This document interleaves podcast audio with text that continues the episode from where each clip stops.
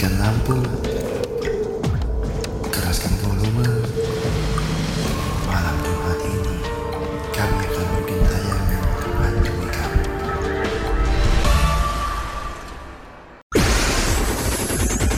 Radio Mercu Buana. Radio Mercu Buana Station Station for Creative Student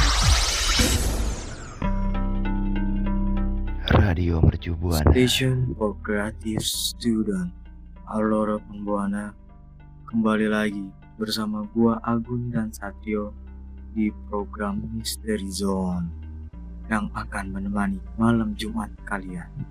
Gue mau ingetin buat kalian semua rekan Buana, jangan lupa untuk follow media sosial kita di Instagram dan Twitter at Radio Mercu Buana. Dan untuk rekan Buana yang ingin streaming siaran kita, langsung aja ke Spotify Radio Mercu Buana.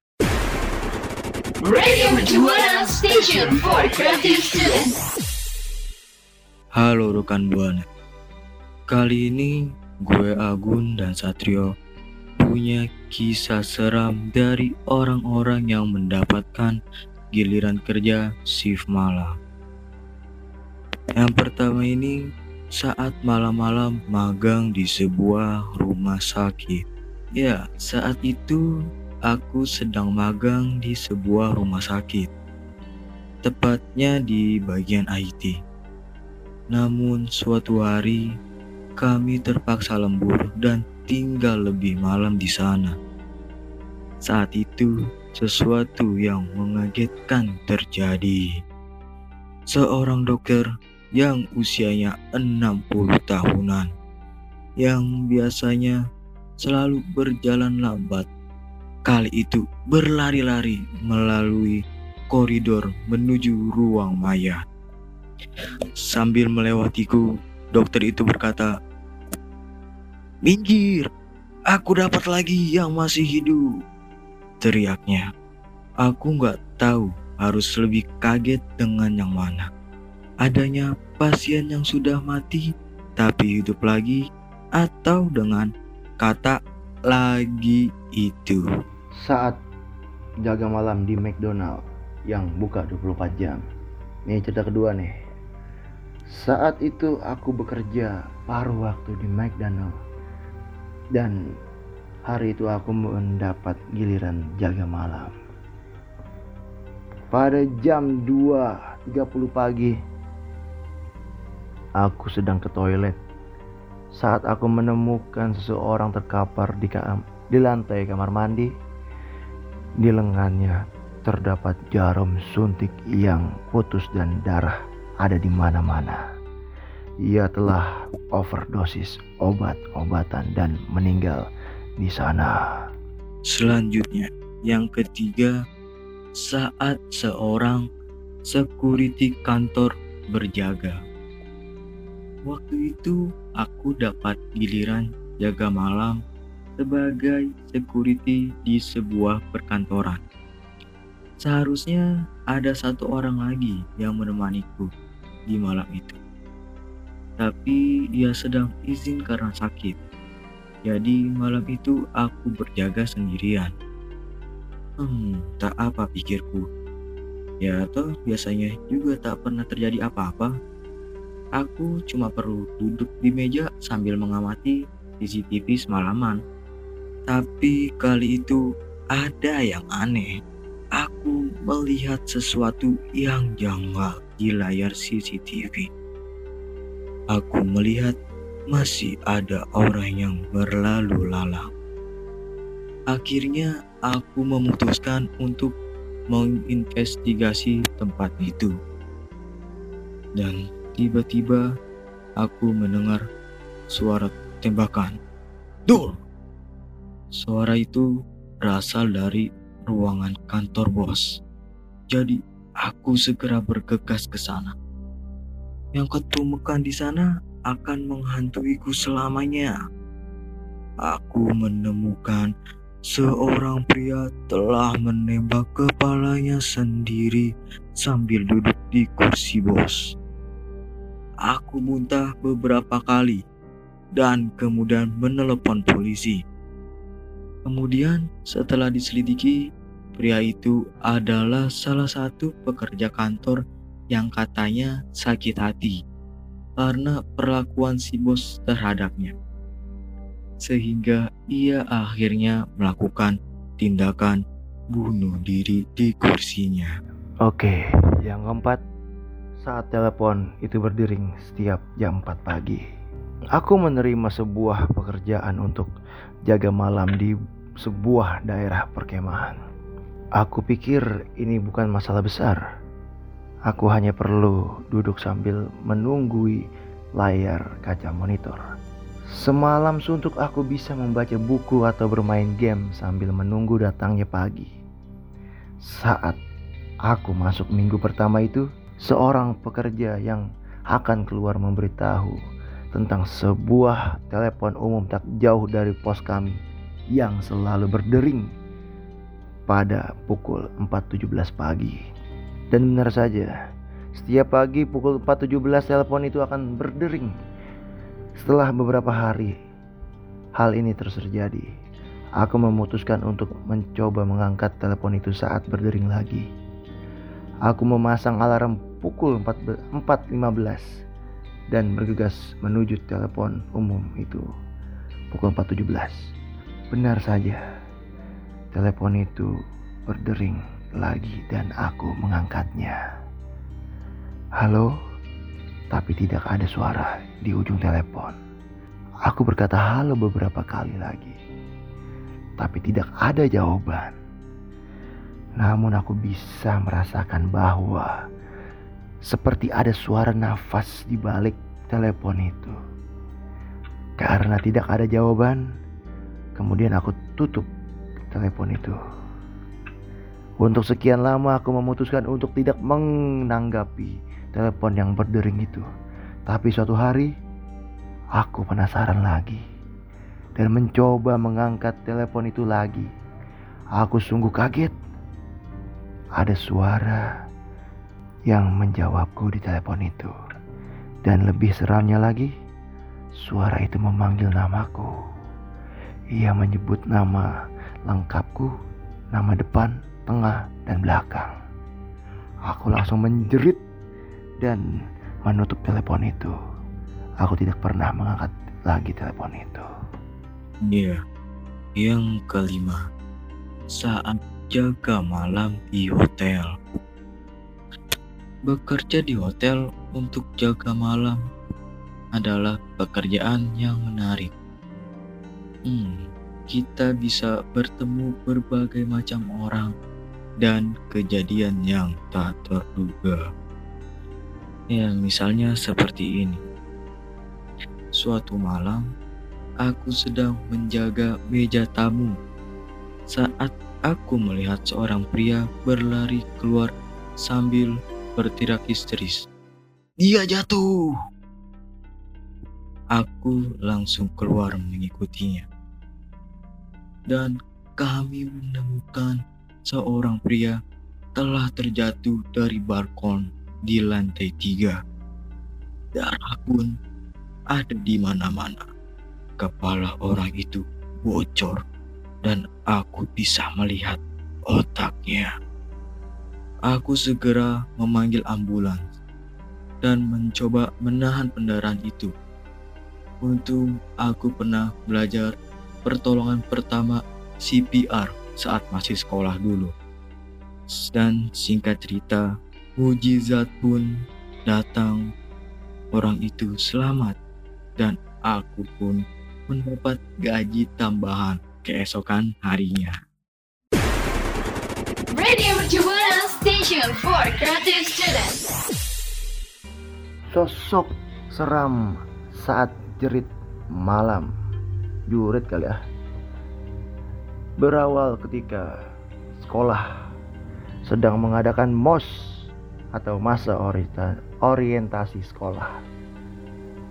Ulang, masa orientasi siswa yang diadakan di Kostrat daerah Cibi, Cilodong. Pagi itu sekolah sedang melakukan kegiatan MOS. Semua siswa dibimbing untuk berangkat ke Kostrat yang ada di Cilodong dengan menggunakan bis. Kemudian, Ketika di perjalanan, dirinya beserta temannya merasa malu karena pakaian yang digunakan tampak seperti bade. Singkat cerita, mereka sampai di lokasi tujuan. Seperti biasanya, setelah sampai, mereka di briefing. Lalu setelah itu diizinkan untuk istirahat. Tetapi waktu istirahat makan siang, dirinya serta siswa lainnya dilatih seperti tentara, di mana makan harus cepat dan bersih. Makan pun selesai. Dirinya kembali di briefing untuk menjelaskan kegiatan apa saja yang terjadi selama masa orientasi siswa tersebut. Dan setelah itu diperbolehkan untuk istirahat dan tidur malam. Hari pun sudah larut malam. Tiba-tiba pukul 12 malam kami semua dibangunkan untuk melakukan jurit malam di Kostrad yang terlihat seram karena luas dan kebanyakan hutan.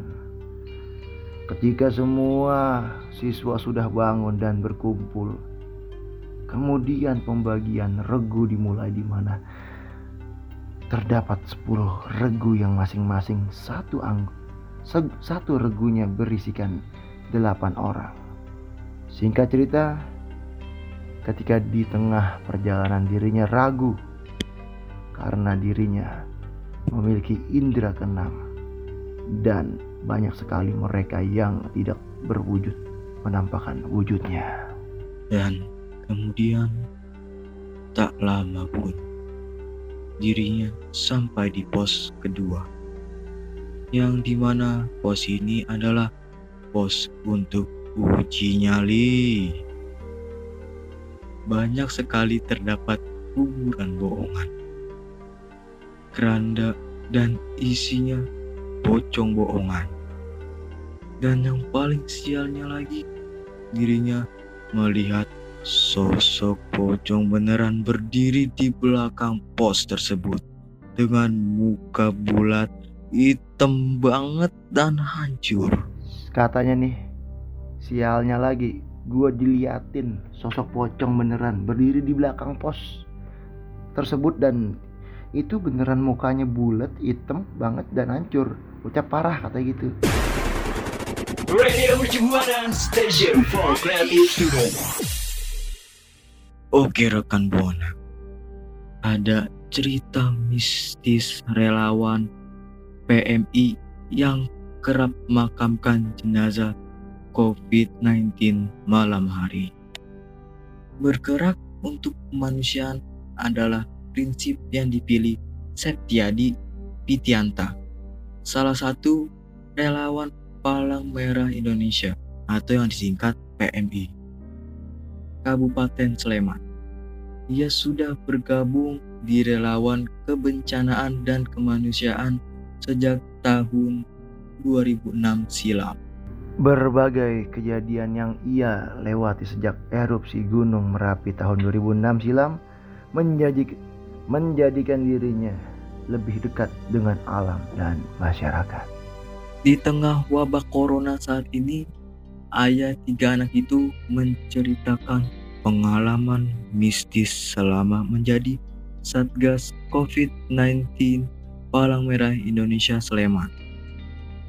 Adi mengatakan dari 12 kali memakamkan jenazah diduga COVID-19, 11 di antaranya dilakukan saat malam hari. Adi menceritakan ia bersama timnya pernah beberapa kali mengalami hal mistis saat bertugas. Tidak hanya sekedar menampakkan diri.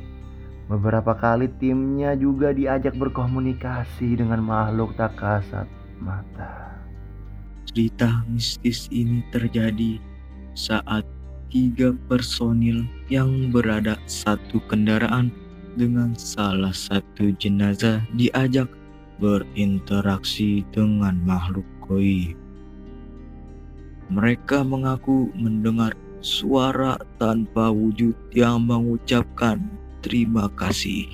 Mereka sempat shock karena tak lama setelah munculnya suara mistis tersebut, tiba-tiba wajah jenazah muncul di dalam mobil.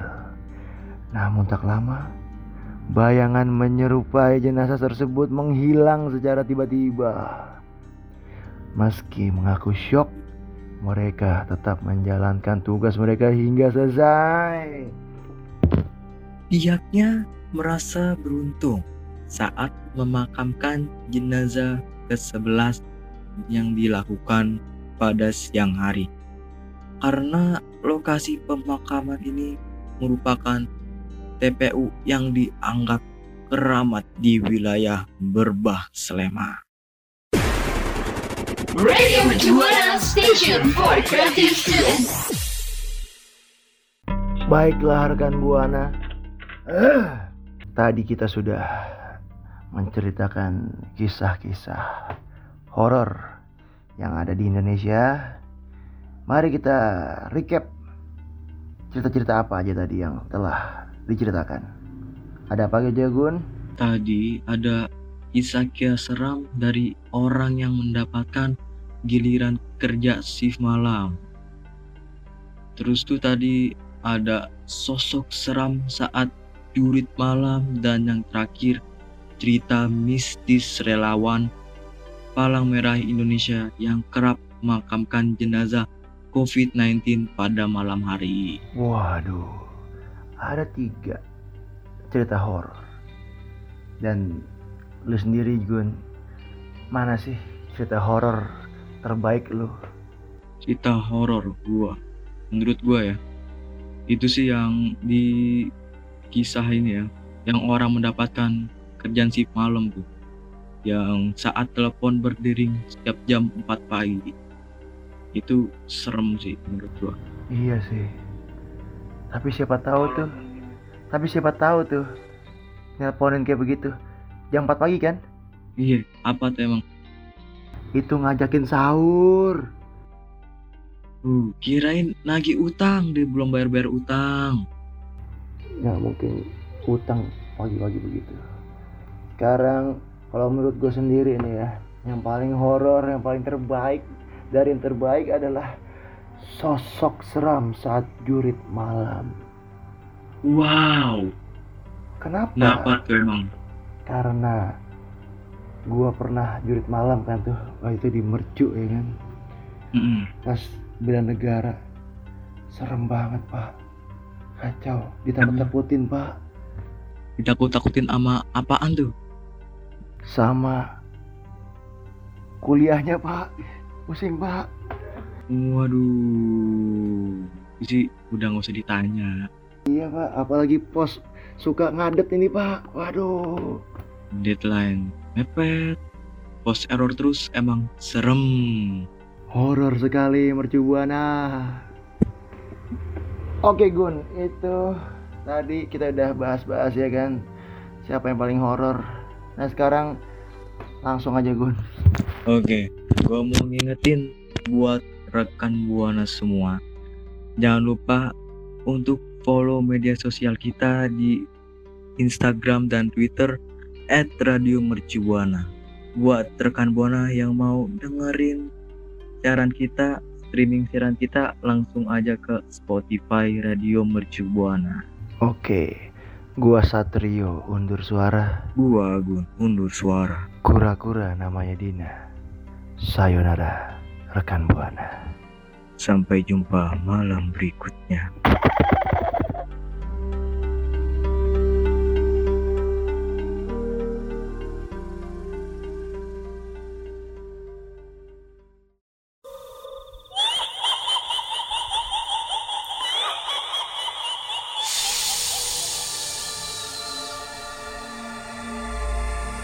Kami tidak pergi rekan buana.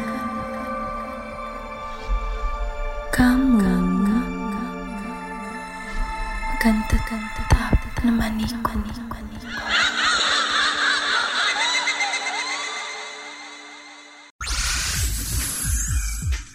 Radio Mercubuana Station for Creative Students.